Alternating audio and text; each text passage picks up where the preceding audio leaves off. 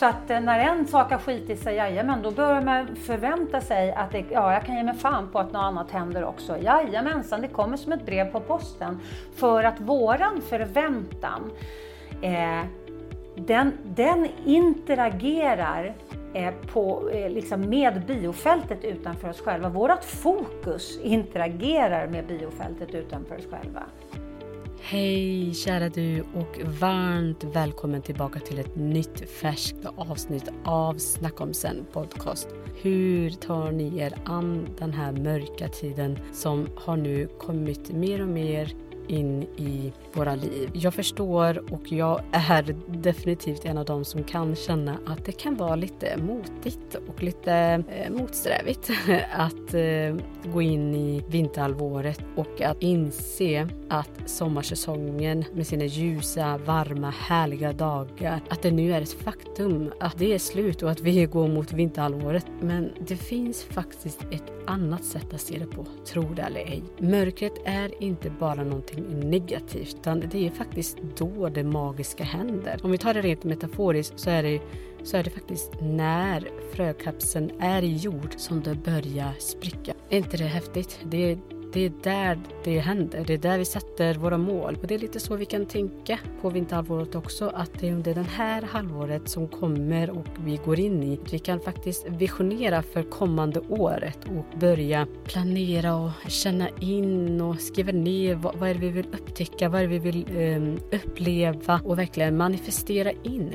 det vi vill ha i vårt liv. Det är nu som vi faktiskt kan eh, drömma fritt så som vi gör hämningslöst när vi drömmer om nätterna. Där drömmer vi helt okontrollerat och hämningslöst om allt och inget. Där allting är möjligt. Och så kan du ta dig tiden under vinterhalvåret och skriva ner, göra vision boards, Ehm, drömma fritt om hur du vill att livet ska vara framöver. Jag vet att det kan låta lite väl optimistiskt men att tänka på det här sättet lockar mig mer. Och i dagens avsnitt handlar det faktiskt allt om det här, om tankens kraft. Visste du till exempel att våra tankar vibrerar på olika frekvenser och att det du tänker på är också det du undermedvetet attraherar in? Vi kan se universum som en enda stor algoritm såsom sociala medier. De bilderna du väljer att trycka på i flödet flödet eller länkarna är också de typen av länkar och bilder som sociala medier visar upp och kommer upp i ditt flöde. För att du har ju tyckt på dem förut och det är troligtvis det du vill kolla på. Och det är lite, lite så universum fungerar också. Och jag tycker det är så intressant att se det på det sättet. Det är det det kallas för attraktionslagen, Love of attraction. Och i det här avsnittet ska vi prata om allt om det. Hur du i praktiken verkligen kan manifestera in det du vill ha i ditt liv. Och med hjälp av det här samtalet och det ämnet så har jag bjudit in föreläsaren, workshopsledaren, författaren och coach Lili Öst. Hon föreläser och jobbar och undervisar om attraktionslagen och hur vi kan förändra vårt energifält och vibrera på högre frekvenser. Så med hjälp av beteendevetenskap och kvantfysik så delar hon med sig om knepen som är transformerande tycker jag. Ja, ni hör ju, det här är ett avsnitt som är, är jätteintressant. Så med det sagt så ska jag sluta och tjata här nu med er och låta er gå till avsnittet. Hej och välkommen Lili Öst till Snacka om sen podcast. Tack så mycket! Härligt att ha dig här. Ja, det är härligt att vara här. Jättetrevligt att du bjöd in mig. Ja, vad kul. Var, eh, var befinner du dig någonstans i livet? Jag, i livet? Mm. Livet eh, eller fysiskt. jag befinner mig fysiskt i Stockholm, utanför Stockholm. Och i livet befinner jag mig Ja, men i en spännande tid tycker jag. Eh, jag har passerat 60. Jag är 61. Mm. Jag eh, håller på att sälja min lägenhet och ska flytta. Mina barn har flyttat hemifrån. Eh, jag har precis gjort en, en rokad i livet eh, så att jag har blivit av med en massa överflödskilon som jag hade lagt på mig. Eh, så att jag är lite sådär, jag är lite i nystartsfas känner jag och det känns jättehärligt. Mm, härligt. Jag älskar de här nystartskänslorna. Mm. Eller nytt ja. kapitelskeden och så. Ja men precis, och det är verkligen det. Och jag tycker att det, det passar mig så bra också att det här är i slutet av året. För då blir det ju någonstans som att 2024 börjar i en ny energi. Mm, ja, men precis. Mm. Ja, härligt. Så där är jag, eh, just eh, liksom privat är jag där precis nu. Jobbmässigt så jobbar jag ju jättemycket som coach. Jag jobbar som föreläsare och workshopsledare, hjälper människor med förändringsprocesser. Eh, och eh, jag älskar ju att tända lampan i huvudet på folk. Mm. Och så skriver jag på min tredje bok. Mm. Som kommer rikta sig mot, eh, mot företag, ledare, team. Mina två första böcker har ju varit mer fokuserade på privatpersonen. Men här gör jag en, en, en fokusering mot, mot arbets, arbetslivet istället. Mm, vad spännande. Det... Mm. Jättespännande, men på mitt sätt. Eh, så att jag, jag är ju fortfarande liksom, jag har ju fortfarande min metodik i grunden eh, där jag blandar eh, neuropsykologi, beteendevetenskap och attraktionslagen. Så att eh, det är ju det jag jobbar med så att säga och eh, det ska bli jättespännande att skriva en bok mot företagsvärlden med det fokuset. Mm, jag har sett det på din Instagram att du skriver eh, inlägg om ja, men, eh, eh, företagshälsovård utifrån ditt perspektiv då. Eh, så det tycker mm, jag ska bli mm. väldigt intressant att få djupdyka i ännu mer. Mm. Ja, det är spännande. Det är spännande när man lägger på det här perspektivet så blir det väldigt spännande för det är precis som man ser livet ur ett tredimensionellt perspektiv istället för ett tvådimensionellt. Mm. Eh, så man får mer information helt mm. enkelt. Vad intressant. Den ska bli kul att få läsa. Men jag tänker innan vi fortsätter in i samtalet så skulle jag vilja ställa dig en eh, fråga om vad du tror är meningen med livet. Eh, ja, det var ju en enkel fråga. nu går du ut hårt. Eh, nej men alltså jag tror att meningen med livet är att vi är här för att utvecklas. Jag tror mm. att vi är här för, alltså vi är ju evolutionära. Mm. Och jag tror att vi, eh, hur ska jag uttrycka mig? Alltså, dels så är jag en person som, jag, jag, jag tror på reinkarnation. Jag tror på att vi kommer hit flera gånger. Jag tror också på att vi mm. Eh, har en, en, en agenda när vi går ner i, i liksom, som själ i nästa kropp tror jag att vi har en agenda där vi vill, eh, ja men det är det här jag behöver fylla på kunskap om den här gången. Mm. Eh, jag tror ju på det.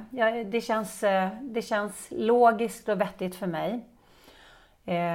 Jag har väldigt svårt att, att tänka liksom att, att allt det här är skapat för lite så här töm och glöm. Du kommer hit, du, du lever ditt liv här och sen så händer ingenting med allting som du har lärt dig. Jag har väldigt svårt att tänka mig att det finns en plan för att göra något så jävla meningslöst. Så att jag, eh, jag, jag väljer att, att tro att det finns ett högre syfte. Och, eh, så jag tror att vi eh, är här för att lära oss det vi har bestämt oss för att vi vill lära oss den här gången. This, this, liksom, this time around.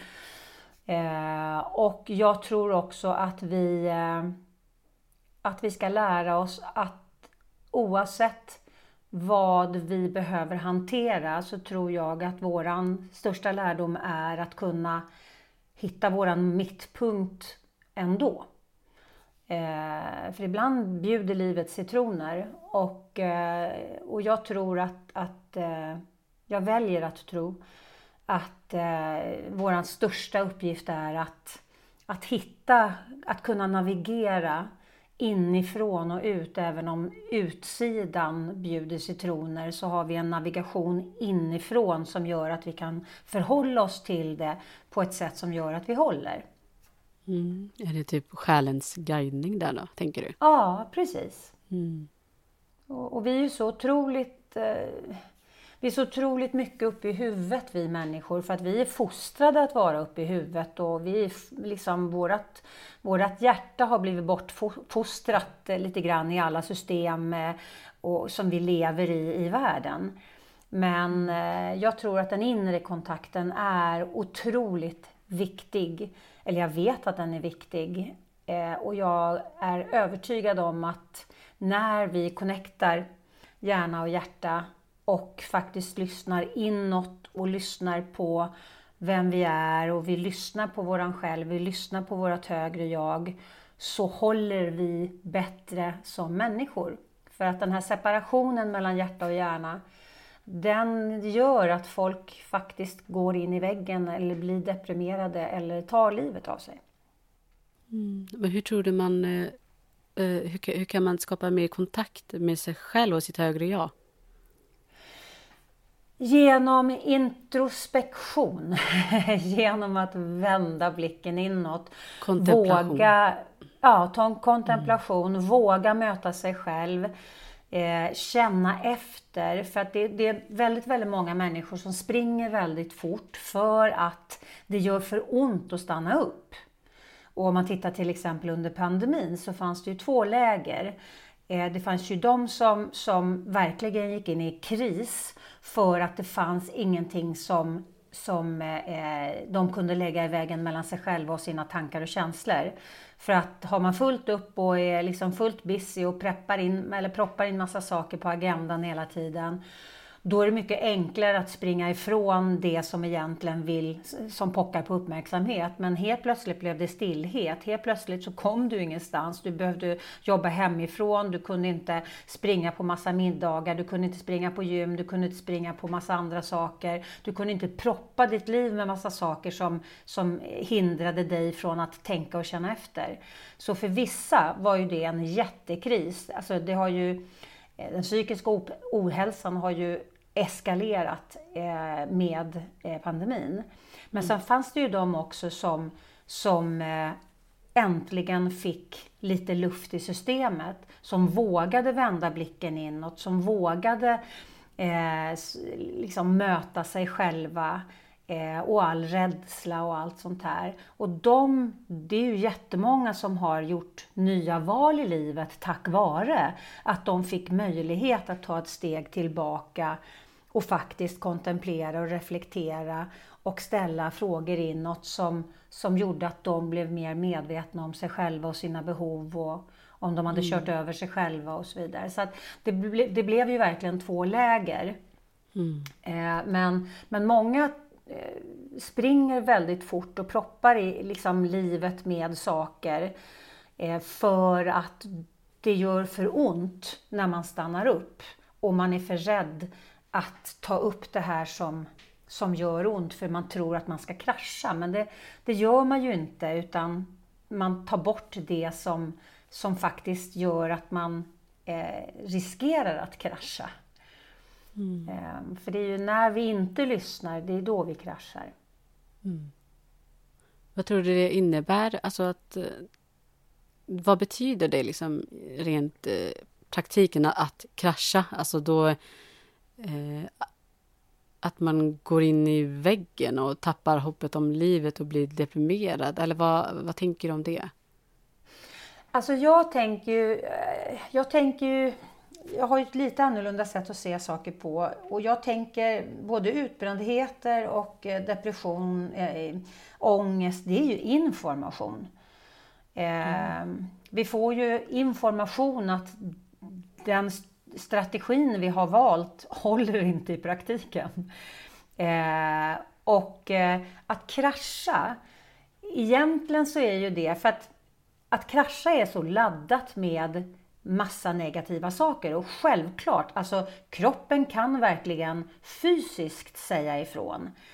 Eh, nu orkar inte jag längre. Nu, alltså jag vet ju folk som har fått eh, fysiska eh, alltså fysiska blockeringar så att de inte kommer ur sängen.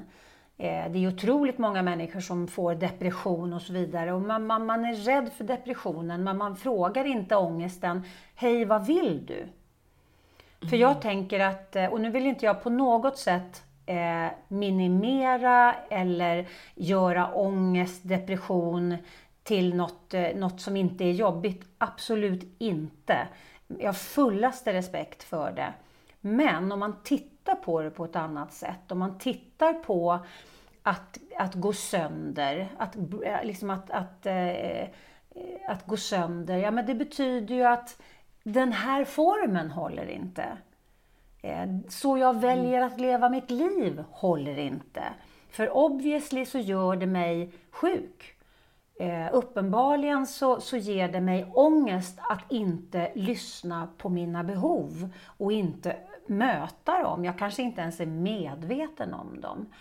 Så att krascha för mig betyder egentligen Fan vad bra! För nu talar ditt mm. kroppsliga system och ditt emotionella system om väldigt tydligt för dig att nu har jag, liksom, nu har jag försökt att hojta här i eh, x antal månader, år på att det du gör, gör mig illa. Men du lyssnar inte, så nu är jag tvungen att liksom ta till storsläggan. Så jag är väldigt glad över att du, liksom, I, jag har din attention. Mm. Eh, så att jag, jag, tror inte... Det finns en fantastisk, eh, en fantastisk eh, dikt. Eller det är ingen dikt egentligen, det är ett samtal mellan en person då som är jag och Gud. Och personen då som är jag, det är inte jag fysiskt utan i, i den här storyn. Mm. Som, som den här personen pratar med Gud och säger att jag, jag har gått sönder. Eh, och det är en fantastisk dialog eh, för att Gud talar om, du har inte alls gått sönder, du bryter igenom, du bryter inte ihop. Eh, ja men det faller ju bara massa saker av mig, det faller, liksom, det faller bit efter bit bara faller ifrån mig. Ja men låt dem ligga. Det som, som, liksom, som faller från dig, de, sak, de bitarna som ramlar.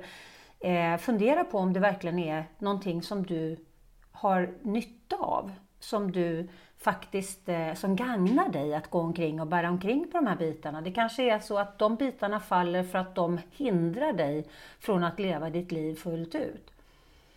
Eh, mm. Så att jag, jag, tänker att om man tittar på utbrändhet eh, ur det perspektivet så blir man inte då är man inte sjuk utan man har ett eh, väl fungerande alarmsystem som säger stopp. Jag har ju mm. själv varit utbränd. Eh, jag, jag, jag, brukar säga att jag gick in i krattan. Du vet, man trampar på en räfsa i trädgården och pinnen i pannan. Eh, men, men när jag jobbade med mitt eget tillfriskningsarbete, eller man ska säga mitt sorteringsarbete, för, för mig blev det så här, hmm, varför har jag gått in i krattan? Vad är det som ligger till grund för det? Så jag gjorde ju ett jättearbete med mig själv. Eh, och, och, I samma veva hade Dr. Phil kommit ut med sin eh, bok Livsstrategier. Eh, där han också hade en arbetsbok. Och, eh, och den satte jag tänderna i och började fråga mig själv frågor. Eh, och, och, den boken inspirerade faktiskt mig att skriva min första bok, eh, fast många år senare, just med att ställa nya frågor. Eh, min första bok heter Jag blir vad jag tänker och i den skriver jag också väldigt, väldigt mycket, eller jag, jag, ger läsaren väldigt, väldigt mycket frågor ur ett perspektiv som de flesta inte har ställt sig frågor utifrån tidigare. Mm. För att vi behöver ju ställa nya frågor för att kunna liksom fundera ut nya svar. Eh, så att, eh, och där insåg jag, när jag själv hade gått in i väggen, så insåg jag vad det var för någonting som låg eh, liksom till grund för min utbrändhet. Och att jag då kraschade, det var ju tack gode gud. För jag var ju inne på en bana som, som verkligen inte ledde mig till ett eh, gynnsamt ställe. Jag hade skyhöga krav på mig själv. Jag höjde målsnöret strax innan målgången och talade om för mig själv att jag inte räckte till. Jag jämförde mig med människor eh, på ett väldigt osunt sätt. Eh, jag eh, tillät mig inte själv att, att lyckas. Eh, jag har aldrig missunnat någon annan att lyckas. Jag, jag, har stark respekt för många, liksom för alla som, som lyckas och som, som eh, verkligen hittar sin grej och sådär. Men, men det var inte för mig. Jag tyckte jag var patetisk faktiskt när jag hade drömmar om att lyckas med det jag gjorde. Jag, jag skämdes. Det var liksom ingenting ens som jag ville säga högt för jag tyckte det var så pinigt att jag ens hade de tankarna. Och det är ju, det är ju självmobbing liksom på hög nivå. Så mm. att eh, mitt arbete blev ju att eh, sänka ribban, börja prata med mig själv som en människa. Jag, jag, är väldigt empatisk och jag är varm och jag är omhuldande och, och jag tycker om att sprida kärlek. Men jag var en riktig bully mot mig själv. Så att eh, jag var tvungen att, jag, jag skapade en, en, lek som jag kallar för vänskapsleken där jag eh, där jag var liksom tvungen att ta ett varv för att förstå hur jag skulle prata med mig själv. Så att om jag, om jag sa någonting riktigt elakt till mig själv, vilket jag kunde göra, jag, jag, jag var extremt självkritisk. Eh, och så frågade jag, skulle jag, liksom, skulle jag säga så här till, ja, men till exempel något av mina barn eller vad det nu kunde vara för någonting? Nej, absolut inte. Eh, nej, varför då? Nej, men jag skulle kunna förstöra dem för livet. Varför är det då okej okay att säga det mot mig själv? Eller till mig mm. själv. Den, jag var tvungen att ta den svängen för att förstå hur pratar jag med mig själv. Eh, så att det var ju ett gediget arbete, men hade jag inte kraschat där, hade inte mitt system sagt, vet du vad, nu har vi kommit till vägs ände med den här jävla skitstrategin. Nu säger jag stopp på riktigt, nu får du fan kamma dig liksom. Eh, hade jag inte fått den, då hade jag kanske levt och blivit otroligt djupt olycklig i mitt liv för att jag hade lett mig själv i så felaktig riktning. Och eftersom jag hade så dålig syn eller låg syn på mig själv, då kommunicerade jag ju även det utifrån mig själv. Vilket gjorde att jag drog till med människor som, som respekterade mig lika lite som jag gjorde. Mm, För det jag, det, jag liksom, det jag kommunicerar ut, eh, det plockar ju folk upp. Ja, precis, och nu kommer du in på det lite det som vi ska prata om, huvudämnet mm. för samtalet, attraktionslagen mm. där. Men mm, jag vill mm. bara dela med mig om perspektivet att eh, jag tror det är många som känner igen sig, att de, det här med självmobbning, att hela mm. tiden ha den där inre kritiken som hela tiden står där på vänster eller höger sida om axeln som mm. eh, kommenterar och dömer och har mm. eh, taskiga kommentarer eh, om allt som eh, vi tar för oss. Eh, mm. Så att, eh, jag tror det är många som känner igen sig i det du säger. Eh, och det är då jag tänker att det, attraktionslagen kommer in i det om man blir mer, mer medveten om sina tankar och känslor. Eh, ja, de, de, de, är ju med. Alltså, att vara medveten om sina tankar och känslor är ju A och O. Eh, eh punkt liksom. Men man, om man också då förstår att det finns ett yttre perspektiv, det finns ett energiperspektiv som är kopplat till vårt fokus. Då, blir det, då förstår man ännu mer på ett mycket, mycket djupare plan hur mm, Vill du dela med dig om det där? eh, ja, alltså jag kan, jag kan, eh, jag kan göra en, en liten upp, uppstuds på hur jag kom fram till att jag var tvungen att lära mig ännu mer om attraktionslagen. För att jag, jag började redan i 20-årsåldern och jag är ju som sagt 61 idag så att eh, jag har ju hållit på liksom den största delen av mitt liv med att söka, eh, söka lateralt skulle jag säga. Eh, och jag började, den första boken jag läste eh, om attraktionslagen, det var faktiskt en svensk kvinna som hette Anna-Stina Vrethammar som hade skrivit en bok som hette Tänk dig ett bättre liv. Eh, och vi är inte så många svenskar som har skrivit om attraktionslagen faktiskt. Eh, så Anna-Stina hon var den första som jag kom i kontakt med då, då eh, med attraktionslagen. Och, det här tyckte, och då var jag i alltså början av 20, 20-årsåldern. Och jag har någonstans hela, hela mitt liv faktiskt eh, känt att det finns en större bild att tolka. Jag har känt att vi, vi inte har förstått någonting avgörande viktigt. Det har jag känt ända sedan jag var liten. Mm. Och, eh, och då blev det ju liksom i början av, liksom runt, ja, slutet av tonåren, början av liksom 20 år då, då eh, att jag började liksom söka alternativa, då, då hette det ju eh, new age. Eh, så jag gick ju liksom väldigt fort in i new age-facket för att jag jag sökte ju efter någonting. Jag visste att det var någonting jag skulle leta efter. Men jag visste ju inte riktigt var. Eh, så att jag, det blev att jag började liksom in, in, in i liksom new age-facket. Då, då. Eh, sen började jag ju läsa då. då. Jag började läsa hennes bok, jag läste Wayne W. Dyer, Louise Hay. Eh, eh, liksom jag läste Shakti Gawain, jag läste om ljusets kraft, jag läste om eh, tankens kraft, jag läste om eh, alla jävla krafter i världen och gudinnorna om oss och gud vet vad. Jag har alltså läst hundratals böcker i den här typen av självutveckling. Eh, och sen har jag ju parallellt med det här varit väldigt, väldigt intresserad av beteendevetenskap och psykologi. Eh, men jag tyckte ju liksom, jag hade ju läst om, om attraktionslagen i 25 år egentligen, innan jag insåg att jag inte hade fattat det jag behövde fatta. Eh, och det var när jag själv gick in i väggen eh, då 2002 så började jag som sagt jobba med mig själv och sen så eh, gick jag en, en ytterligare uppföljningskurs på utbrändheten för då gick jag skilsmässokursen efter det. Mm. Eh, efter jag hade liksom eh, efter jag hade jobbat med mig själv så insåg jag att jag inte skulle vara kvar med min exman. Så att då skilde jag mig från honom. Och, och det var en ganska stökig skilsmässa. Och mm. Eh, men jag gick från klarhet till klarhet. Jag eh, flyttade ifrån och köpte en, en lägenhet och, och, vi hade barnen halva, liksom halvtid och sådär. Och eh, jag jobbade med jättemycket med mig själv och jag gick verkligen från klarhet till klarhet. Och, och eh, saker och ting bara föll på plats och de bara liksom verkligen gick i min väg. Och sen så helt plötsligt så fick jag en smocka och sen så var jag, kände jag mig som jag var tillbaks på ruta ett. Allting krånglade, eh, allting blev svårnavigerat, eh, jag blev väldigt lågfrekvent eh, liksom i energi och sådär. Och det här hände några gånger eh, tills jag förstod vad det var som hände.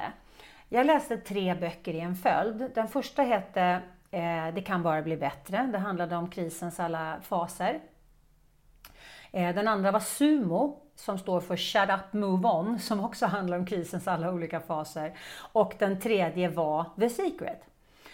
Och de här tre böckerna tillsammans med då 25 års eh, liksom, eh, studier av attraktionslagen, då helt plötsligt förstod jag, för att det som hände var att när, eftersom det var en ganska stökig eh, skilsmässa av många olika anledningar, eh, jag, eh, jag, ja, men jag, fick, jag fick hantera väldigt mycket saker. Och eh, så är det någon välmenande vän som kommer och säger Åh Lili, jag har hört och berätta berätta och jag börjar berätta och jag eh, liksom geggar omkring där och personen geggar omkring där och det blir mycket gegg och bla bla bla bla bla.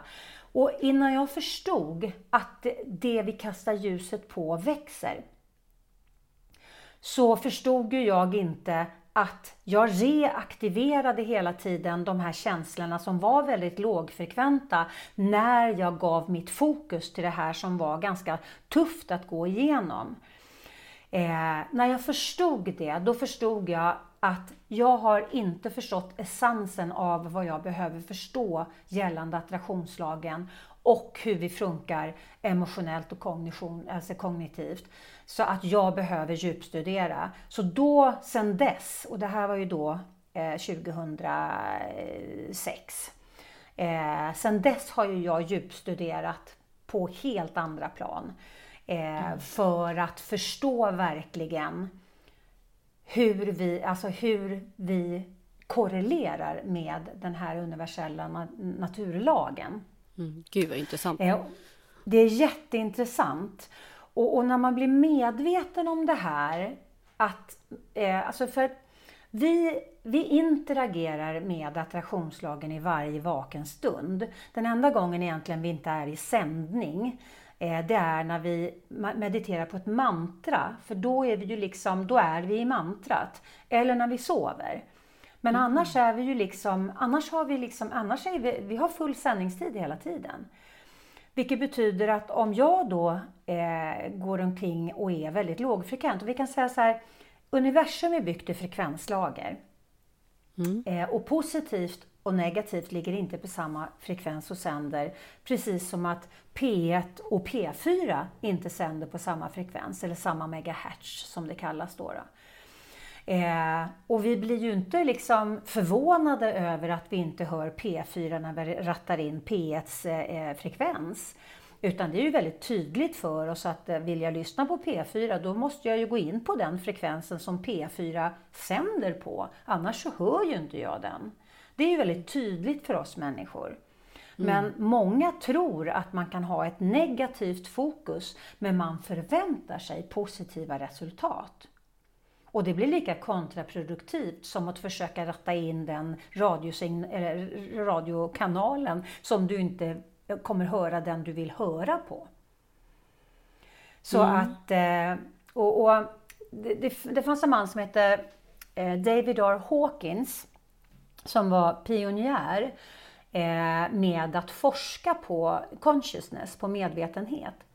Och för att göra det enkelt för människor, om, om, om man googlar Map of Consciousness så får man upp en jävla massa olika varianter. Jag brukar ha den enklaste varianten eh, när jag föreläser och, och för, för, mina klienter och så vidare, för att den är, den är lättfattlig. Det är en kon, det går från 0 till eh, 700 plus, men typ 0 till 1000.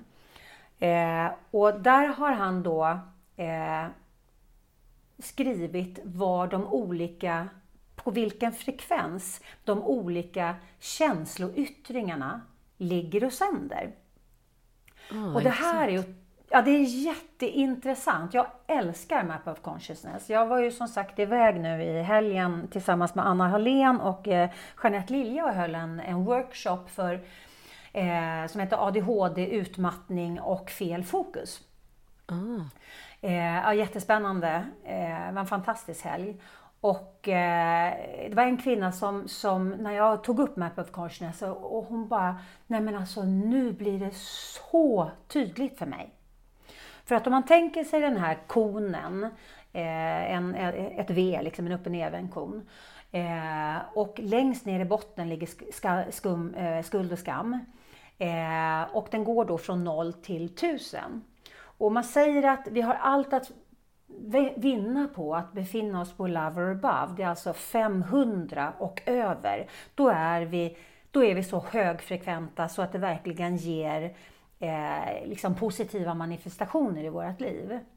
Men brytpunkten går på 200. Och allt under 200, ju längre ner du kommer, och där ligger ju irritation, frustration, aggression, oro, ilska, eh, eh sorg, eh, skam, skuld som sagt. Eh, alla de yttringarna ligger eh, under 200. Och ju längre ner du kommer, ju mer lågfrekvent blir du. Och där är du i forcering, där är du inte i din fulla kraft, där är du i kamp. Mm. Allt över 200 blir mer och mer högfrekvent. Eh, så ju högre upp du kommer i frekvens, desto mer är du i din egen power. Eh, och dessutom när vi är högfrekventa, när vi är positiva, då öppnar vi upp vårt tankesegel, vilket gör att vi kan använda större del av vår hjärna. Vi, blir, vi får tillgång till mer eh, liksom, av vår hjärna. För när vi blir negativa, oroliga, irriterade, arga, vad det nu kan vara för någonting, då får vi lite tunnelseende för att det blir ju en negativ stress.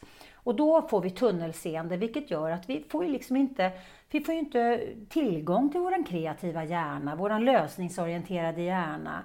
Eh, vi ser saker ur ett, ett, eh, mycket smalare perspektiv. Vi utgår ifrån mycket mer negativa saker som per se gör oss ännu mer eh, lågfrekventa. Men jag tänker bara innan vi, innan vi bara fortsätter på det där, så eh, just med, med frekvens, hur eh, mer på ett eh, kanske med ännu mer tydligare sätt kan man bevisa inom apostroftecken att frekvens i universum faktiskt finns. Har du något svar på det?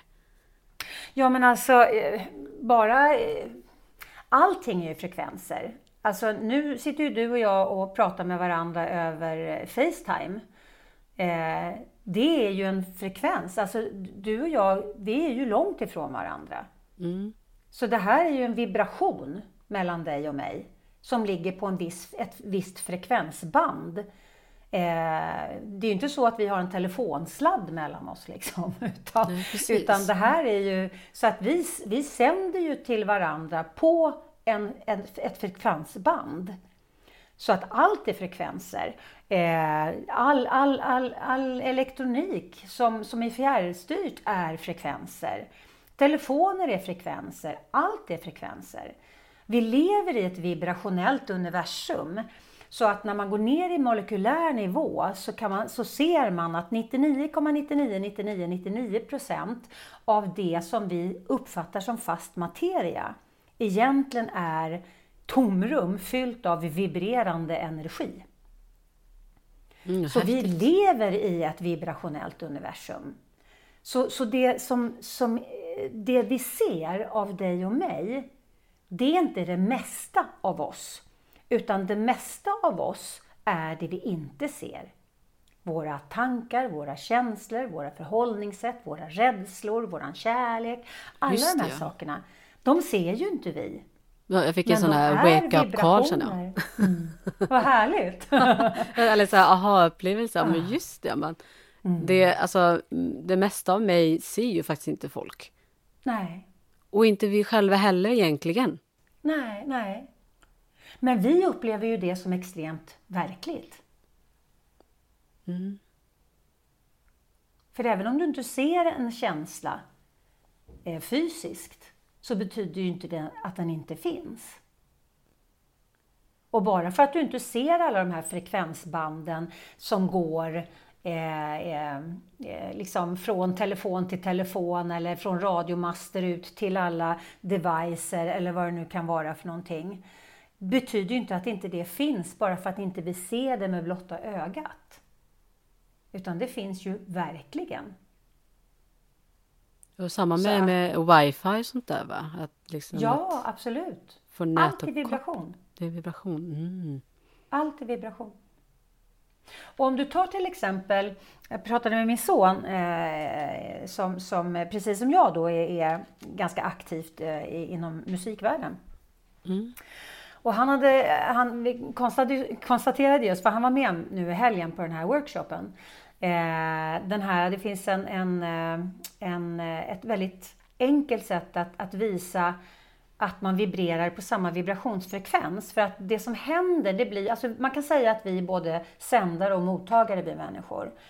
Och om du är lågfrekvent, om du har fokus på allt du lider brist på, allt du är förbannad på, eh, allt du saknar, allt du önskar att du hade, allt du har som du önskar att du inte hade. Eh, liksom alla, all, allt som, har, som, som ger en skitkänsla i magen. Om, om du är där känslomässigt hela tiden, då blir du väldigt lågfrekvent. Och eftersom vi både är en sändare och en mottagare så blir det, alltså när du ger fokus till någonting så börjar, det, så börjar det vibrera och börjar dra till sig det som ligger på samma vibrationsfrekvens och sänder. Så ju mer du fokuserar på dina negativa saker, ju starkare magnet blir du för att dra till dig andra negativa saker. Och livet börjar krångla rent liksom allmänt. Eh, saker händer, saker går sönder, du missar bussar, du blir osams med någon, vad det nu kan vara för någonting. Saker börjar krångla helt enkelt. Och de människorna som är högfrekventa, de möter ju du inte ens en gång när du är liksom nere i katakomberna och härjar. Eh, men däremot så möter du ju dem när du är högfrekvent. Då möter du en helt annan typ av människor som, som jobbar på den våningen. Liksom. Om du säger att du är mellan eh, källarplan och, och andra våningen när du håller på då, då och är lågfrekvent. Medan då de som är högfrekventa, de jobbar någonstans mellan sjuan och tian. Du träffar ju inte ens dem om du inte tar hissen upp eller trapporna liksom.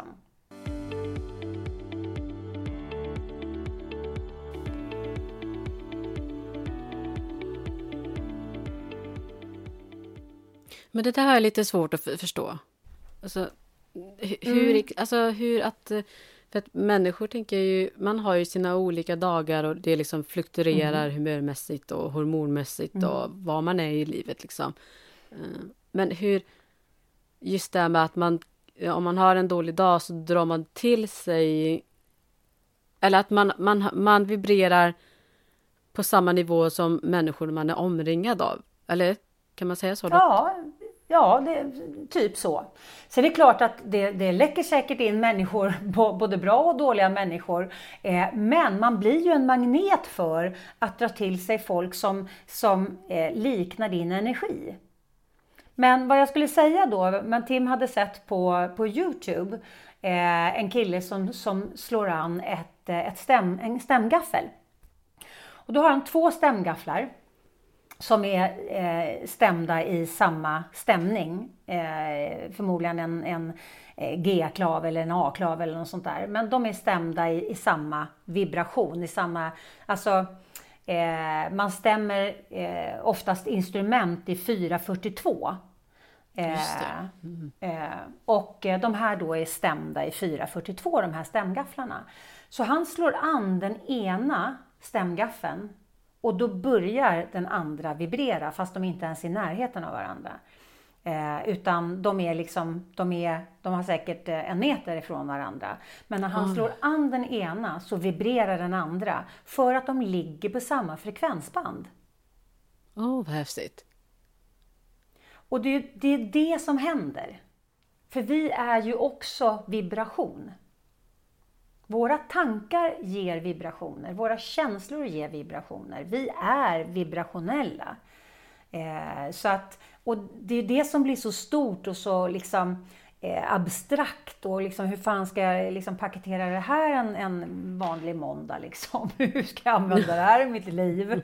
Eh, men bara att bli medveten om att, att jag, om jag tänker mig själv som en magnet, och nu vet jag att magnetism handlar om opposite attracts, men det är en bra metafor.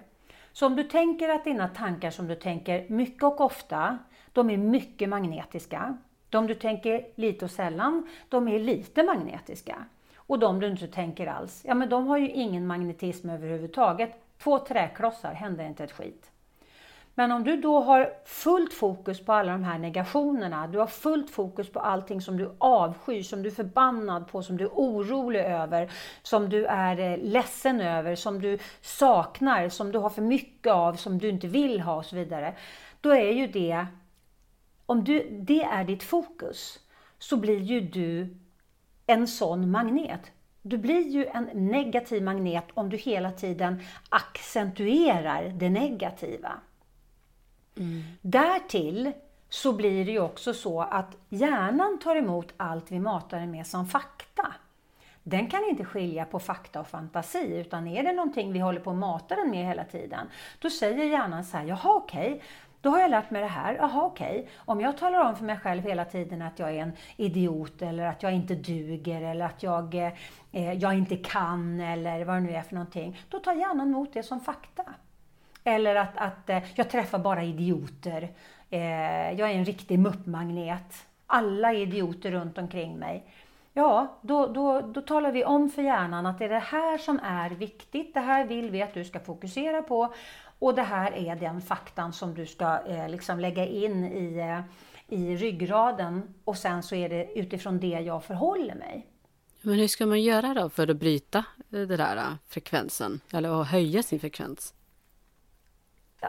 Till att börja med så kan det vara för att om man har fastnat i negativa tankebanor, för en del människor de, de har ju liksom fastnat i ett negativt flow i huvudet. Eh, och det tar 17 sekunder att initiera momentum i någon riktning. Och momentum betyder rörelse framåt. Efter 68 sekunder så har det fått momentum och då följs din tanke av en, en liknande känsla. Eh, och sen så efter 68 sekunder så följs det av en liknande tanke som följs av en liknande känsla. Så då får vi ju flow i negativ riktning.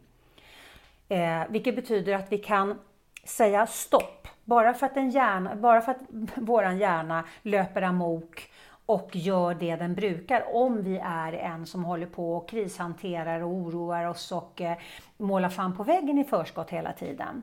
Då har vi ju liksom lärt våran hjärna att det är så här vi jobbar. Men när du då blir medveten om, vänta, nu får jag en skitkänsla i magen. Den har med hur jag fokuserar att göra. Hur fokuserar jag? Bara där bli medveten om vad var det jag tänkte som skapade känslan i magen. Bara det gör att du blir medveten om och kan göra ett, liksom en, en mönsterbrytning. Eh, så då kan mm. du säga stopp till din hjärna. För att bara för att tankarna vill bli tänkta betyder inte det att du behöver acceptera dem. Så då kan du säga stopp och göra en mönsterbrytning. Fokusera på något annat. Och mm. Jag brukar inte rekommendera, liksom, om man går och liksom, har totalt slagit läger i bajspåsen och det är bara negativt och allting känns skit. Då är det väldigt, väldigt svårt att försöka tänka positivt i den här situationen, för de liknar mm. inte varandra. De ligger ju inte på samma frekvens. Men däremot så kan du göra en, jag brukar kalla det för finlandsfärjegir, för du kan ju inte bara liksom, du kan inte bara, en finlandsfärg kan man ju inte bara fjoff och sen så går den åt andra hållet. Utan den behöver ju göra en ganska stor gir för att kunna vända i en annan riktning. Så vi behöver ta oss ifrån negativt till negativt neutralt till neutralt till neutralt positivt till positivt. Vi behöver ta de stegen. Sen behöver inte de ta 14 dagar. Men att bara stanna, för vår hjärna kan bara fokusera på en sak i taget. Du kan, alltså en aktiv sak i taget. Du kan göra saker på autopilot samtidigt som du tänker. Men du kan inte tänka på två saker samtidigt. Så att om du, gör, om du säger stopp till din hjärna och sen så, eh, så, så gör du någonting som är neutralt. Till exempel räkna stolar, räkna bilar, eh, gör inköpslista. Alltså så att du är aktivt, du behöver vara aktivt med eh, i det du tänker på. Åh, oh, vad jag älskar eh, den, eh, den konkreta tipset där. Ja, men för det, då, då kan man ju verkligen använda det hands-on. Mm. Eh, så. Eh, vi kan räkna, men ska vi räkna då behöver vi räkna Eh, till exempel 1 till 17, 17 till 1. 1 till 17, 17 till 1. Det är 68 sekunder. Sen kanske vi behöver räkna 1 till 17, 17 till 1 en jävla massa gånger för att liksom mojna tanken eller mojna känslan. Men varför det är bra att göra de här korta, det är för att annars så sätter vi räkningen på autopilot. För det har vi gjort så många år. Så, så fortsätter vi att gegga i tanken och så helt plötsligt hör vi oss själva säga liksom 373 liksom. Eh, men vi har fortsatt att gegga i tanken så vi behöver vara aktiva i det vi väljer. Och då är det bra att välja någonting som är neutralt, eh, som faktiskt mojnar. För att när du, när du bryter ditt fokus tankemässigt och börjar fokusera på något neutralt, då mojnar ju även affekten i känslan eftersom du har, gått en, du har liksom gått över till att fokusera på något neutralt. Och då kommer du till ett mycket mer neutralt känsloläge genom det. Mm. Så att här kan man liksom, ibland är det ju så här att livet bjuder citroner och att det är jävligt jobbigt, men man kan alltid levla. Så att då kan man ta reda på, okej, okay, hur kan jag göra? Hur kan jag tänka? Vad behöver jag göra för att jag ska må lite mindre dåligt? Inte för att jag ska må bra, för de kanske inte ens liknar varandra i det här läget. Men jag kan alltid må lite mindre dåligt. Mm. Om man tittar på det här då ur ett energiperspektiv, att vi är vibrationella, vi lever i ett vibrationellt universum. Vi tunar in oss på de som ligger på samma frekvens som vi och situationer och liksom lågfrekventa situationer dras till lågfrekventa människor. Du har säkert hört talas om någon som har råkat ut för någonting. Och inte nog med att de råkar ut för den här skiten, den här skiten hände också. Och inte nog med det, utan det här hände också. Jag tänker på den där, vad brukar man säga, alla problem kommer på en och samma gång, eller vad säger man? Något sånt. Ja, alltså man säger alla goda ting är tre, men man säger också, man förväntar sig ju alltid tre saker ska skita sig. Ja, just det. Eller hur? Ja.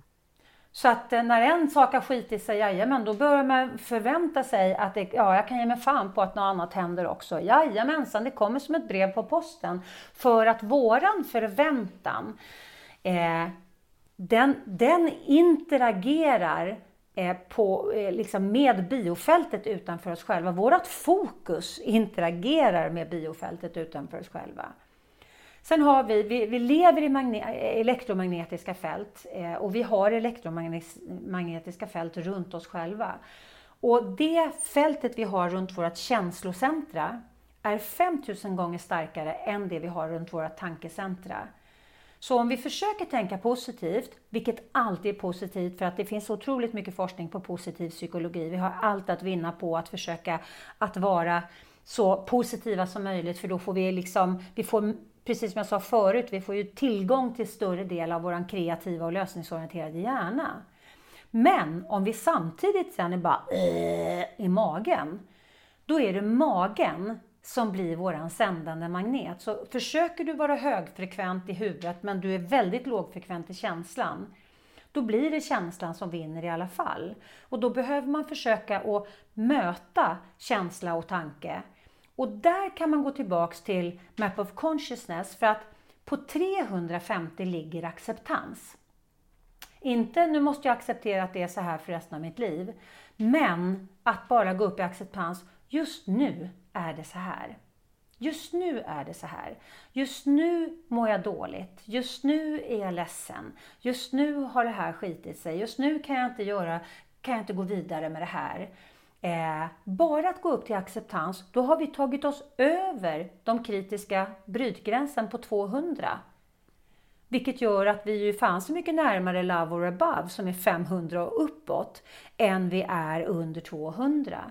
Så bara genom att gå upp i acceptans när du känner att tanken eh, du försöker vara positiv i tanken men känslan är jävligt negativ. Då är det mycket bättre att inte vara i motstånd utan gå upp i acceptans. Just nu är det så här.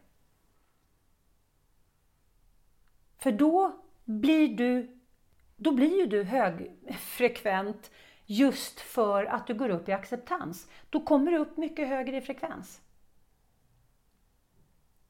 Jag tänkte på en, Känns en det fråga. logiskt? Ja, absolut. Jag tänkte, jag tänkte på det här liksom, där med en fråga alltså angående eh, eh, Alltså om man är på ett, om man är på en arbetsplats där vissa människor kanske är eh, lite negativa av sig och man mm. försöker leva mer ett positivt liv och försöka ja, helt enkelt höja sin frekvens. Hur ska man mm. göra i sån situation? Jag tänker att, att eh, det är viktigt att man gör det för sin egen skull. För att folk som har liksom... Jag, jag, jag kan ta en metafor innan, för jag pratar ju mycket om bajspåsar, så jag vill gärna ta metaforen så att folk förstår vad jag pratar om. Jag brukar säga att vi, vi, vi lever med två påsar framför oss hela tiden. Vi har guldpåsen och i den plockar vi härliga samtal, härliga känslor, glädje, eh, goda smaker, goda dofter, eh, allting som skapar en härlig känsla i magen. Den stoppar vi ner i guldpåsen och ju mer vi jobbar med guldpåsen, ju mer fylls den upp och när den är full så, så svämmar den över och då är det någonting positivt som manifesteras i vårt liv. Och vi har allt att vinna på att liksom tugga tuggummit flera gånger på de positiva sakerna, att älta de positiva sakerna i syfte att göra dem ännu större för att de ska bli, få ännu mer kraft i våran guldpåse så att den ännu mer svämmar över. Och parallellt så har vi bajspåsen då, då som är, är liksom irritation, frustration, aggression, svartsjuka, avundsjuka, allting, liksom eh, stress, eh, bristtänk, oro, allt det här som skapar en skitkänsla i magen. Och ju mer du jobbar med bajspåsen, ju mer fylls ju den upp naturligtvis. Och när den är full så är det något så negativt som manifesteras. Och det finns ju då, eh, med detta sagt, eh, så finns det ju då människor som verkligen har Ja, men de, de, de har helt enkelt byggt trevåningshus med balkong och pool i bajspåsen som är jävligt negativa, som, som eh, tycker själva förmodligen att de är, nu gör jag hundöron här, man ser ju inte att jag gör situationstecken eftersom jag pratar, men jag gör lite hundöron, de tycker att de är verklighetsanknutna. Eh, och jag gör hundöron på det för att verklighetsanknuten eh, handlar om eh, så olika saker, för det beror alldeles på vad du har satt på dig för glasögon som du tittar på verkligheten igenom. Så att eh, människor som har fastnat i en negativ, ett negativt eh, flow helt enkelt med sina tankar och känslor. när man kommer då och försöker vara lite positiv och lite härlig och hurtig och så vidare så blir man ju inte speciellt omtyckt för att de är ju liksom, de har ju sån här knapp, förr hade man sån här stoppa eh, kärnkraften men de har en sån här knapp där det står liksom rör inte min bajspåse. Mm. Eh, så att det, det brukar ju inte falla så väl ut. Men det är vårt ansvar att ta ansvar för vår egen energi. Så vad man kan göra när man har sån här Voldemort eh, liksom energislukare på jobbet. Visualisera att du har en, en Gore-Tex kostym på dig som, som har små perforerade hål som, som du kan andas naturligtvis, men som bara släpper in och ut kärlek. Så att liksom all den här negativa energin som projiceras, att den faktiskt inte kommer till dig. Du kan också ha en spegel i pannan, eh, en, en, eh, en metaforisk spegel i pannan, där, där du Alltså så fort någon projicerar någonting negativt mot dig så studsar det mot din spegel i pannan så att du inte ens tar in det. Eh, ibland kan det vara så att man behöver lämna rummet för att man känner så här, nej men det här är inte en energi som jag vill vara i. Men om vi försöker bibehålla vår eh, inre punkt som är en mer positiv eh, utgångspunkt då kan vi inte irritera oss på de som är negativa för då kommer vi ju dimpa i, i, liksom energi för att vi blir irriterade för att de är negativa. Mm, precis. Så vi behöver försöka hålla oss själva eh, och bara påminna oss själva om att jag vill värna om min energi. Jag vill inte släppa in den här energin då väljer jag att inte gå in i polemik med den här människan eller att jag säger, ja, men man kan, jag tänker så här. Jag ser det ur det här perspektivet. Man behöver inte liksom gå in i de här ältarsamtalen och hålla på och gegga runt då, då med den här människan som har, som har liksom trevåningshus med pool, balkong i bajspåsen. Eh, för, jag tycker att det är en bra visuell bild. Ja, verkligen. ja, men en del, en, del, en del är ju verkligen för att man kanske, alltså har man tänkt negativt väldigt länge så har ju det blivit en del av en själv och man är inte medveten om att man ser saker ur ett negativt perspektiv.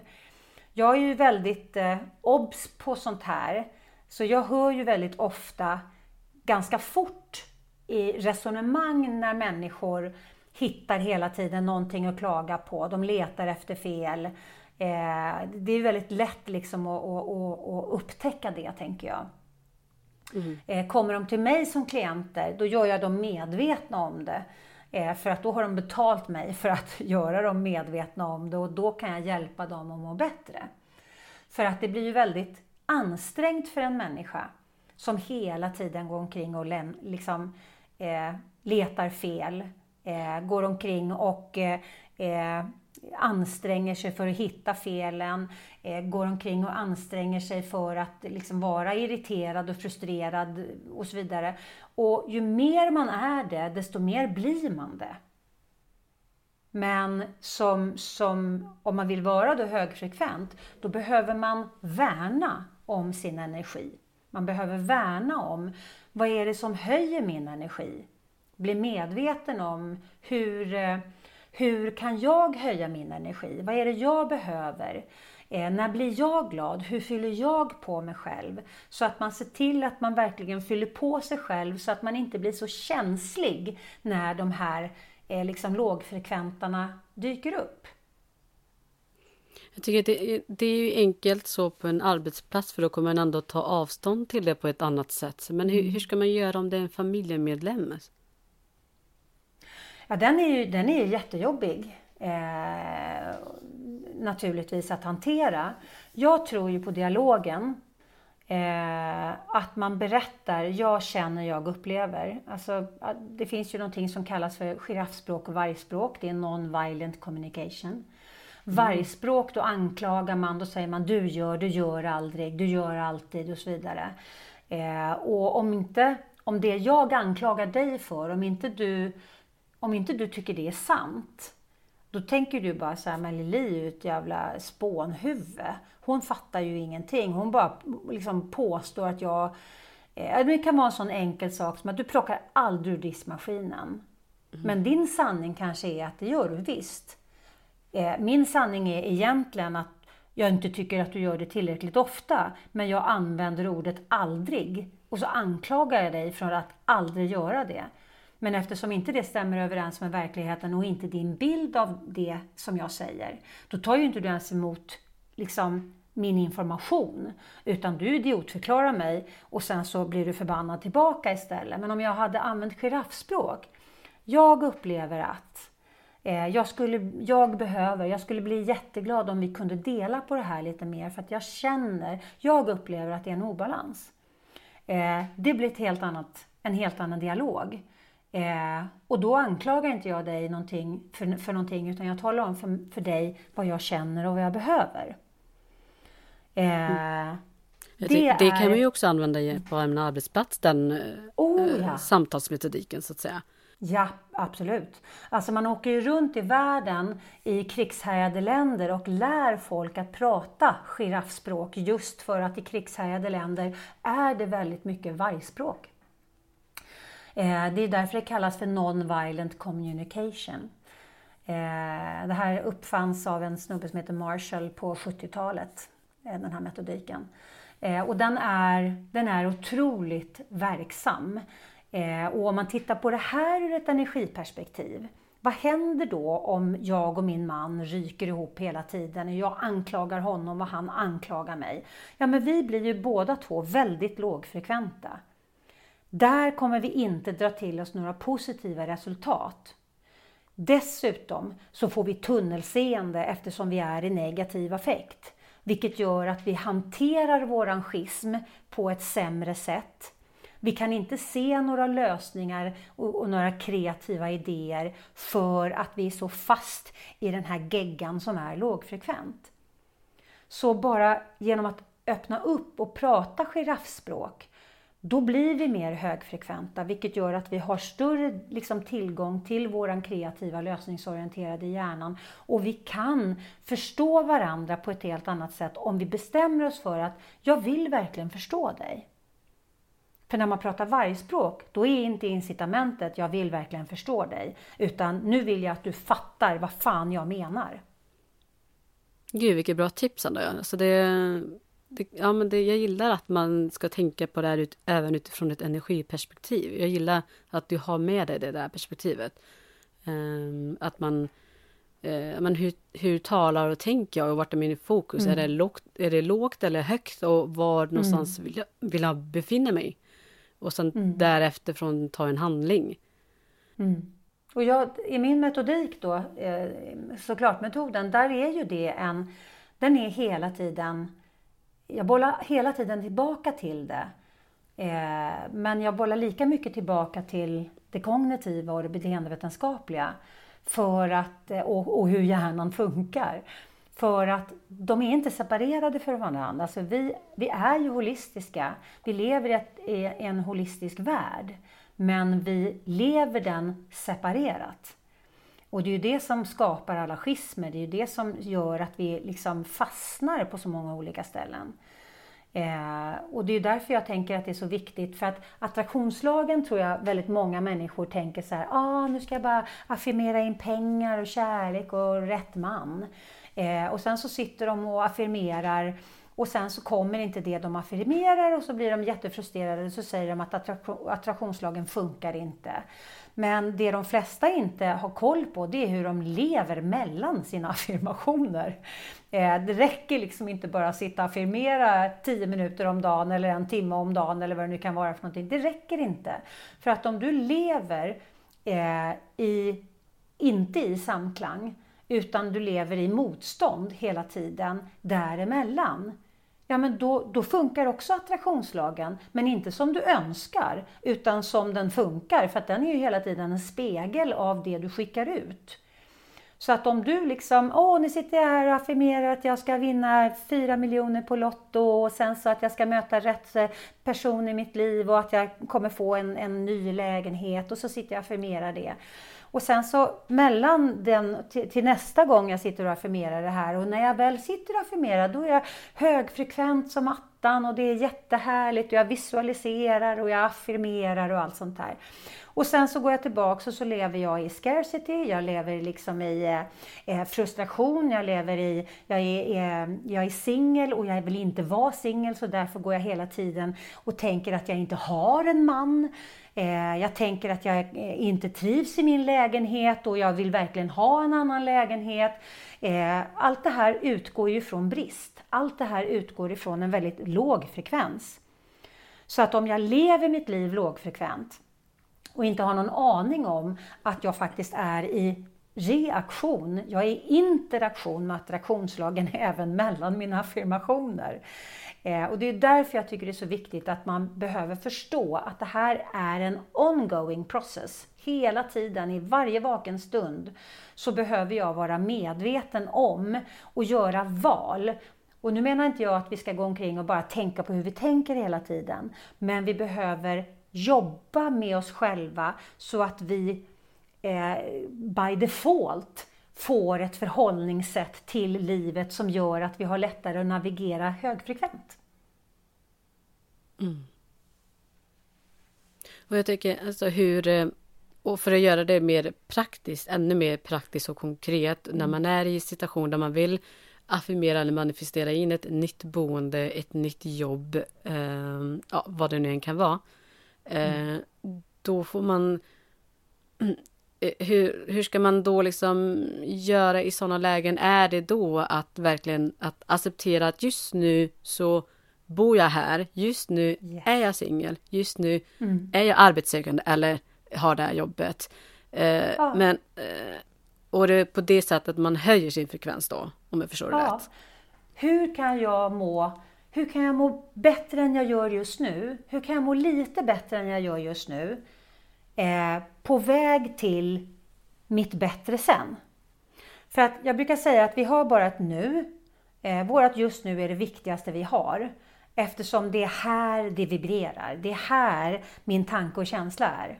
Så även om jag lånar oro för morgondagen så blir det här det blir aktivt. Eller att jag plockar referenser, gamla skitreferenser från eh, förra torsdagen eller 36 år tillbaka eller någonting.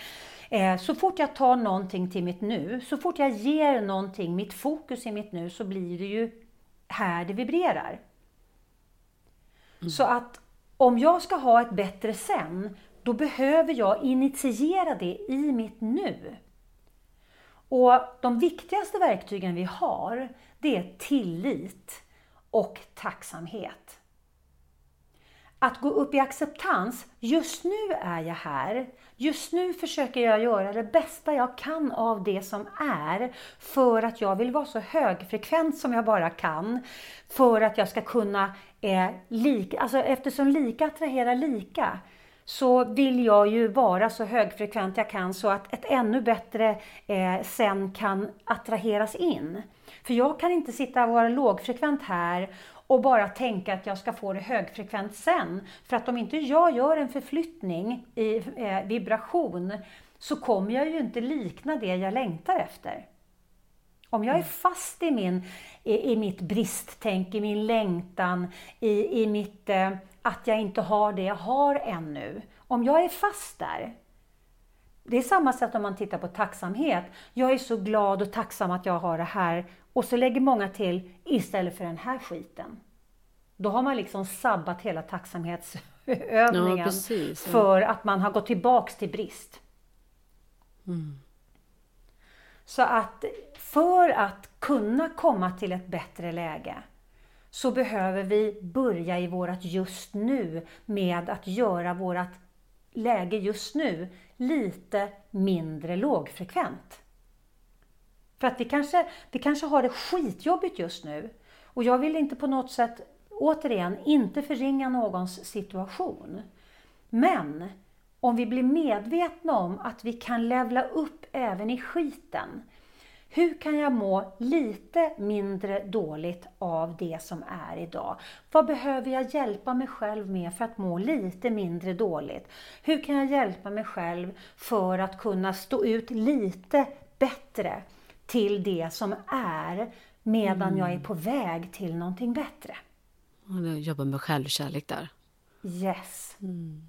Och jag tänkte då, mm. har du något, eh, några tips på hur du jobbar med självkärlek till dig själv? Absolut. Alltså jag, jag, jag har ju gått, nu har jag ju hållit på med det här i så många år, men jag har ju gått från att vara en bully faktiskt. Ja, en självbully. Jag har ju aldrig mobbat någon annan, men jag mobbade ju mig själv duktigt. Eh, och, och, bara hade brist och negativa tankar och så vidare. Jag har ju jobbat med mig själv jättemycket och sen jobbar ju jag sen, sen 2012, jobb, eller sen 2011 jobbar ju jag som, eh, som coach. Vilket gör att jag coachar andra människor i förhållningssätt och fokus och så vidare. Och det betyder ju att jag också är i process hela tiden. För att jag kan inte sitta liksom proppmätt och säga så här, ja, jag är färdig, nu ska vi bara fixa till dig lilla hjärtat. Utan, mm. utan jag blir ju också i process för att det kommer ju så mycket kloka insikter hos mina klienter som jag drar en repa i mig själv för att se liksom, vad landar det här i mig? Mm. Men jag jobbar ju väldigt, väldigt mycket med självmedvetenhet. Vem vill jag vara? Eh, vad, hur har jag, eh, eller vad har jag, hur ska jag vara för att jag ska kunna ha en vinning av det? Eh, rent energimässigt. Hur ska jag titta på det här för att det här ska bli så bra som möjligt för mig energimässigt? Så jag har ju hela tiden, jag, är, jag navigerar hela tiden Eh, och när jag märker att jag är off-key, då ifrågasätter jag hur smart är det här? Men ställer du dessa frågor till dig själv hela tiden eller gör du, är det som en morgonritual eller kvällsritual eller hur ser det ut i Lili eh, jag, jag liv? går ut och power, ja precis, Nej, jag power mycket, walkar mycket. Eh, och eh, jag tycker om att gå och reflektera när jag powerwalkar och jag går inte och ältar. Eh, det behöver jag poängtera. Jag ältar inte utan jag är jag blir nyfiken på, hmm, där hade jag ju en reaktion som, alltså var kom den ifrån? Eh, och liksom titta på, så här, men vad, vad, kan ha gjort att jag liksom, att jag kände så där, där? Hmm, ja, det var ju intressant. Ja, men det kan ju faktiskt vara på grund av det här. Ja, okej. Okay. För att när jag märker att jag har reaktioner som inte stämmer överens med vad jag vill, Eh, och jag vill vara högfrekvent. Jag vill ha kul. Jag vill, att, jag vill vara glad. Jag, jag, jag, vet att det är mycket, mycket bättre för mig att vara glad än att vara, vara sur. Mm. För rent energimässigt så, så har jag allt att vinna på att vara glad. Jag har allt att vinna på att titta på saker med ett förhållningssätt som, som gör att det inte känns öken. Eh, jag har ju allt att vinna på det. Eh, jag har allt att vinna på att vara härlig eh, och, och liksom eh, energigivande när jag möter människor. Jag har allt att vinna på att möta ögon på folk när jag är ute och går och säga god morgon. Jag har allt att vinna på att säga hej till busschauffören för då ser jag honom och han känner sig sedd och jag tycker om att se människor. Alltså jag höjer ju min frekvens hela tiden medvetet tackar mycket för positiv flow. Så fort jag, jag bor i, i, eh, i eh, en bostadsrätt och så har vi en stor parkering utanför här där jag har min bil. Och sen när jag svänger ut på en ganska trafikerad gata, så fort jag kommer ut direkt, då, tappar, då tackar jag alltid för positiv flow. Mm. Eh, för att eh, jag, det var inget som hindrade mig och då tackar jag för det. Alltså alla sådana här små saker bygger ju min, mitt välmående hela dagarna. Så att jag är väldigt medveten om att, att eh, jag vill ge mig själv så många möjligheter som möjligt att fylla på min guldpåse så att jag håller den liksom ständigt eh, i, liksom i, eh, i, överfylld.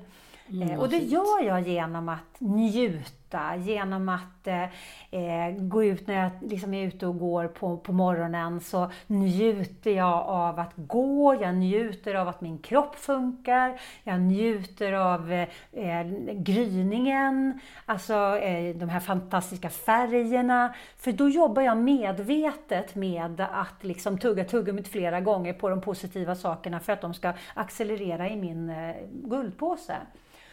Och, att försöka men, njutarbeta mm. lite mer. Ja, jag njutarbetar precis. Ja. Var ett bra ord. Var ett väldigt bra ord. Eh, så att jag, jag är väldigt medveten om det. Eh, och när jag märker att jag har tankar, känslor som jag känner är off-key, då, då försöker jag ta reda på varför.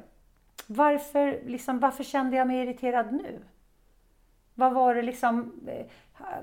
Eh, okej, okay. jag blev mm. irriterad för att. Ja, men då vet jag det. Och då kan jag levla upp i min tanke och min känsla för att jag har liksom själv tagit reda på varför jag blev irriterad och vad vill jag... Alltså jag kan inte gå omkring... Jag har aldrig en dålig dag. Jag kan ha en dålig minut. Men jag har ju inte en dålig dag. Ja, vad intressant att se det så.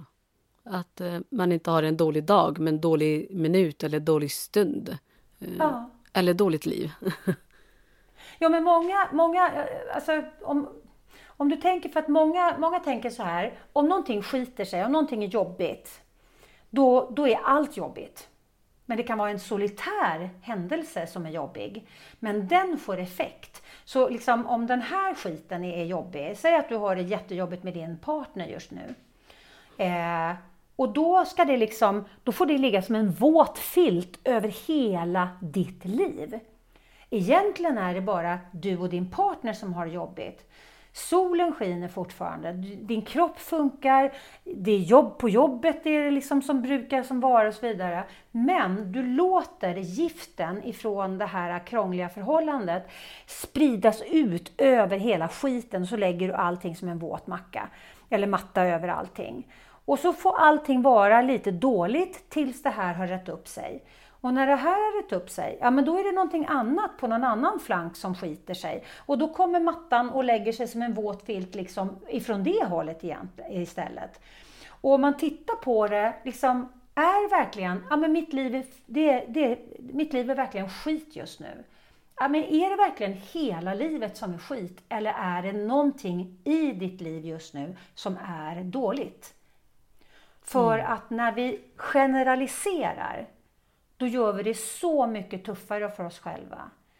Eh, men när vi, jag kan varmt rekommendera på min hemsida www.liliost.se eh, Där har jag en flik som heter gratis.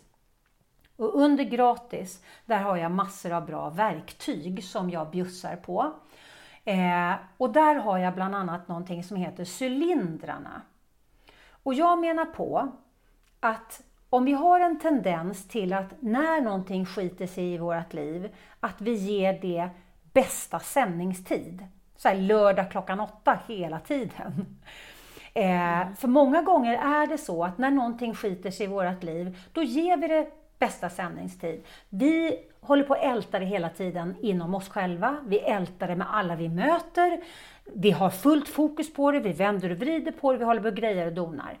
Då kanske någon säger så här, men jag processar. Ja, fast processandet, när det går över och tar över vårt liv, då blir det extremt lågfrekvent och då blir inte vi speciellt smarta. Så där kan vi inte lösa någonting. Men om man då lägger ner skiten i en cylinder, i en glascylinder, och vi kan ha hur många cylindrar som helst där det ligger massa liksom, surdegar. Men det som är, det är att vi pausar vi säger inte så här, åh, jag låtsas inte att det här finns. Nej, utan jag pausar skiten. Jag lägger skiten i en cylinder så att jag har möjlighet att höja upp mig själv i frekvens innan jag tittar på det.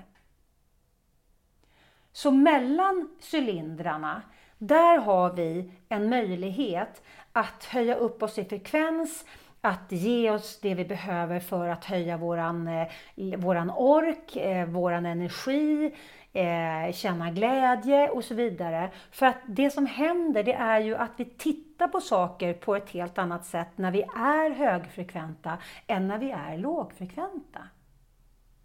Vi är mycket mer kreativa, lösningsorienterade. Vi kan förhålla oss till det på ett sätt som är mycket mer gynnsamt när vi inte försöker titta på skit ur ett lågfrekvent perspektiv. Mm. Och jag tänker att innan vi avslutar här nu så du nämner ju det att du jobbar som coach. Mm. Uh, när, uh, när tycker du att man ska vända sig till en coach uh, i sitt liv? Eller när kan man använda sig av en? Ja, alltså i de bästa av världar skulle alla ha en coach från de föds. Mm, det är faktiskt. de bästa av världar.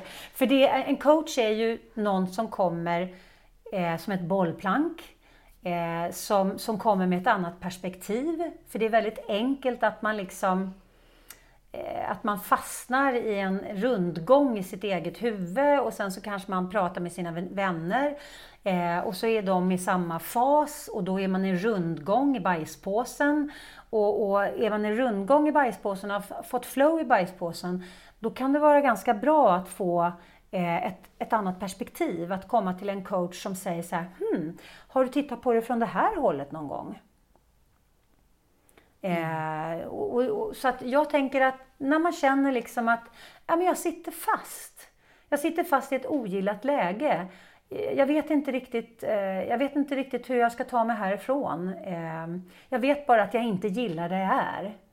Eh, eller jag gillar inte mitt beteende eller jag gillar inte de känslorna jag får eller, eller vad det nu kan vara för någonting. Mm. Eh, då kan det vara bra att gå till en coach, tänker jag.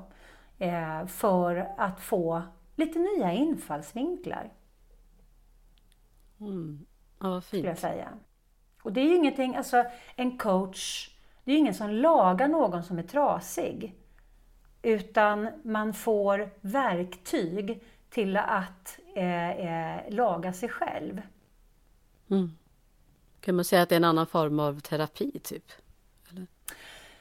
Ja, eh, sen är det väl olika. Eh, alltså en del coacher jobbar ju eh, väldigt mycket med målsättning och sådana där grejer. Jag skulle säga faktiskt, jag är ju absolut inte terapeutiskt utbildad, men jag är nog en blandning mellan terapeut och coach.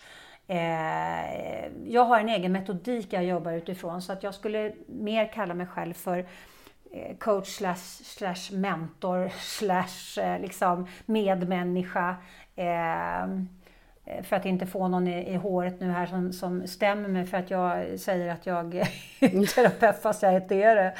Men, men alltså för mig är helheten så viktig. Eh, och ibland för att komma framåt behöver vi förstå oss själva bakåt.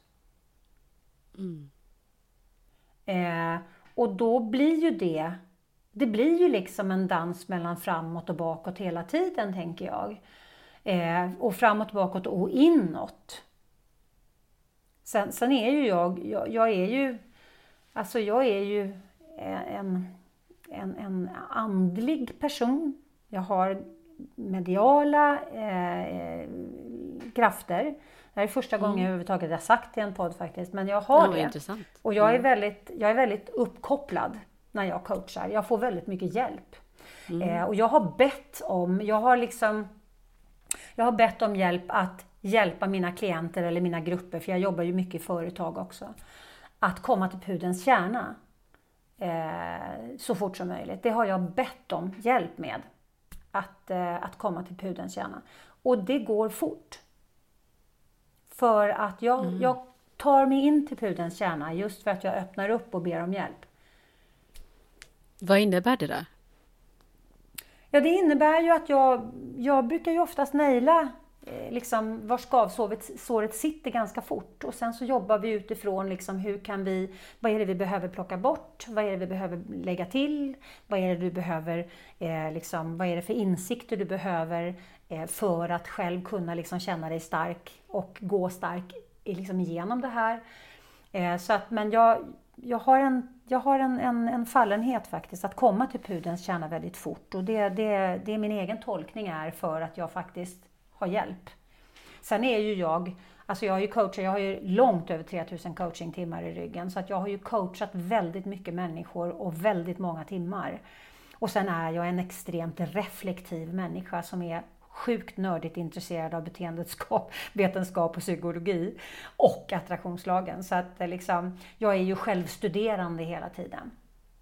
Eh, så att, mm. Eh, men det handlar ju om att liksom plocka bort de sakerna som ligger i vägen för att vi ska kunna vara vårt bästa jag, att, att må så bra som vi kan göra. Jag tänker att mm, med de orden får vi nog avrunda det här poddavsnittet. Eh, men, mm. men jag hoppas verkligen att ni som lyssnar på detta har fått med er så fina perspektiv och nya sätt att, ja, eh, ser livet på och eh, nya verktyg som ni kan implementera och anamma i ert liv. Jag känner verkligen att jag har fått mycket mer perspektiv som jag verkligen kommer att titta närmare på. Så tack Lilly Öst för det. Det var ett jättefint avsnitt med dig. Ja, vad roligt, vad glad jag blir. Och, och, du kanske hade tänkt att jag skulle prata om något helt annat gällande attraktionslagen, men jag tänker att det är viktigt att förstå för att attraktionslagen funkar lika, attraherar lika. Eh, vad som är viktigt att förstå det är hur vi kan använda det i våran perception när vi lever. Och det är ju det vi har pratat om här idag. Ja, tack Lili. Tack själv och tack snälla du för att jag fick komma och gästa.